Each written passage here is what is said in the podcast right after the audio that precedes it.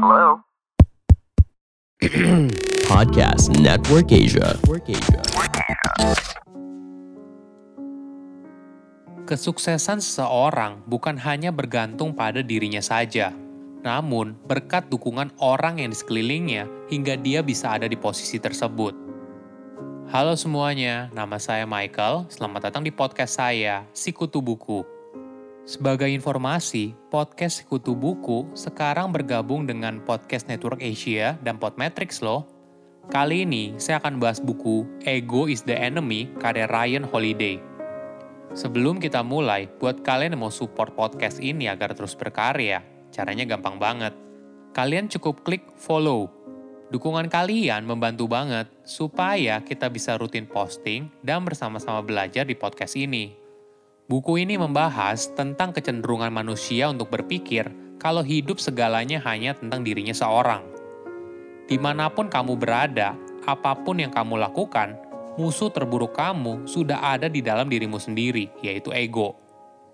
Sederhananya, ego adalah kepercayaan yang tidak sehat soal diri sendiri, sifat yang arogan, ambisi yang egois, dan sebagainya. Walaupun buku-buku sejarah banyak dipenuhi dengan kisah seorang tokoh jenius visioner yang mampu mengubah dunia, namun di sisi lain, sejarah juga dibuat oleh individu yang melawan ego diri mereka sendiri di setiap kesempatan, menghindari sorotan publik, dan menempatkan tujuan mereka yang lebih tinggi di atas keinginan mereka atas pengakuan. Saya merangkumnya menjadi tiga hal penting dari buku ini. Pertama, hidup dengan tujuan bukan passion. Banyak orang sering kali bilang kalau kita harus menemukan apa passion kita. Namun terkadang, ini bukanlah saran yang baik. Daripada fokus pada passion, sebaiknya seorang fokus pada tujuan yang ingin dicapai. Ingat, sesuatu hal yang besar terwujud bukan hanya berasal dari kecintaan seseorang pada hal tersebut, namun juga dibutuhkan kerja keras terus-menerus hingga akhirnya apa yang awalnya hanya ada di imajinasi bisa tumbuh menjadi kenyataan. Orang Yunani menggunakan kata euthymia yang berarti kita tahu jalan apa yang kita inginkan dan tetap berada di sana tanpa terganggu. Kepercayaan diri berasal dari sesuatu yang membutuhkan waktu dan tenaga hingga akhirnya menjadi seorang ahli. Seringkali, orang menggunakan passion seperti emosi yang membabi buta, hingga akhirnya passion itu menjadi sebuah delusi dari ego mereka sendiri. Contohnya begini, orang yang punya passion akan memberitahu kamu apa yang akan mereka lakukan, tapi mereka tidak pernah menunjukkan kemajuan apa pun. Sebaliknya, orang yang didorong dengan tujuan tidak banyak bicara, kerja saja dengan disiplin, nanti hasil yang membuktikan. Perlu dipahami, bukan berarti tidak boleh punya passion, tapi jadilah orang yang punya passion dengan disiplin. Ada contoh yang menarik bagaimana seseorang didorong dengan sebuah tujuan. Bill Walsh adalah seorang pelatih yang membawa 49ers dari tim terburuk di NFL ke Super Bowl.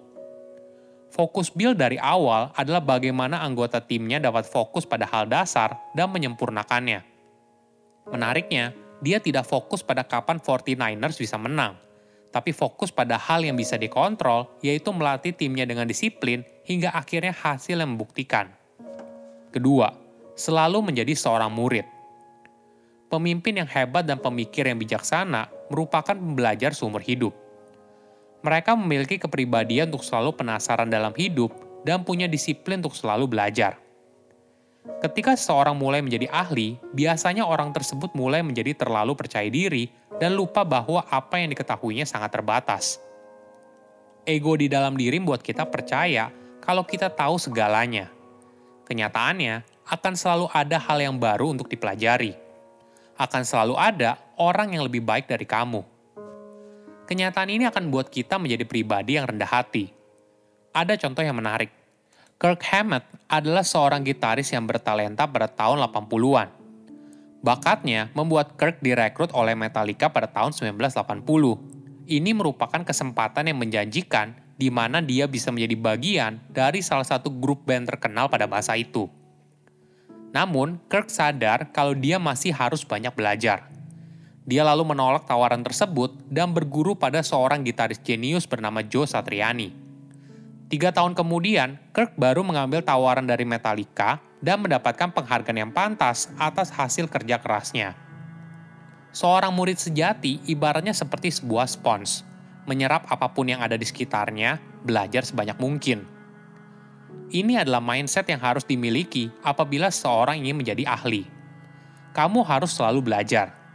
Setiap hal dalam hidup pasti punya sesuatu untuk kita pelajari. Jangan biarkan ego menghalangi kamu untuk mendapatkan kesempatan tersebut. Misalnya seperti ini, ego memberitahu kamu kalau kamu tidak perlu melakukan hal yang bersifat operasional karena merasa kalau kamu sudah terlalu hebat. Padahal, jika kamu merupakan seorang pembelajar, kamu akan menghargai setiap kesempatan yang muncul untuk meluangkan waktu dan tenaga demi belajar. Ini merupakan investasi kamu di masa depan.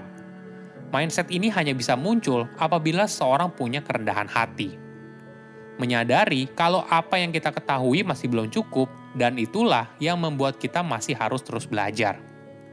Ada latihan yang menarik. Kamu bisa melatih kerendahan hati dengan meluangkan waktu untuk melatih anak baru. Kegiatan ini akan menyadarkan kamu ternyata masih banyak hal yang belum kamu pahami. Di sisi lain, kamu akan menghargai atas kerja keras yang sudah kamu lakukan untuk sampai di titik ini. Ketiga, belajar percaya melalui delegasi.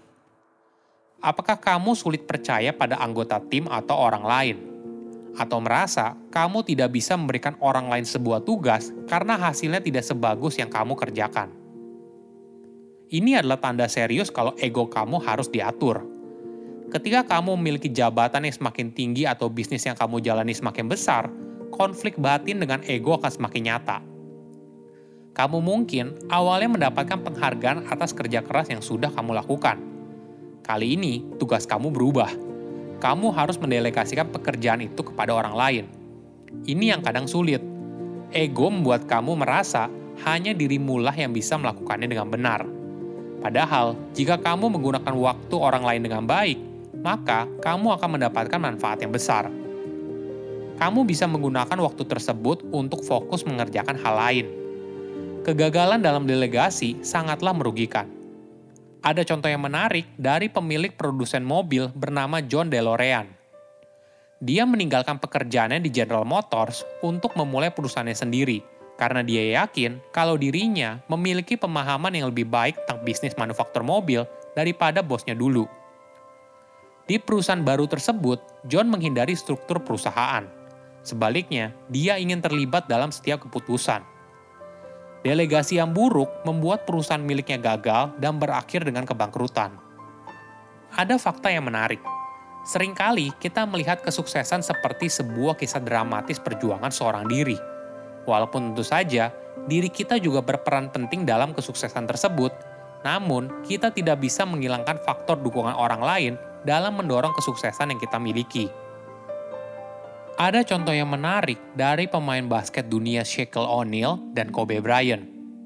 Mereka merupakan pemain berbakat dan memenangkan kejuaraan tiga kali berturut-turut dengan Lakers pada tahun 2000, 2001, dan 2002. Mereka merupakan duo yang hebat, sayangnya ego mempengaruhi keputusan mereka.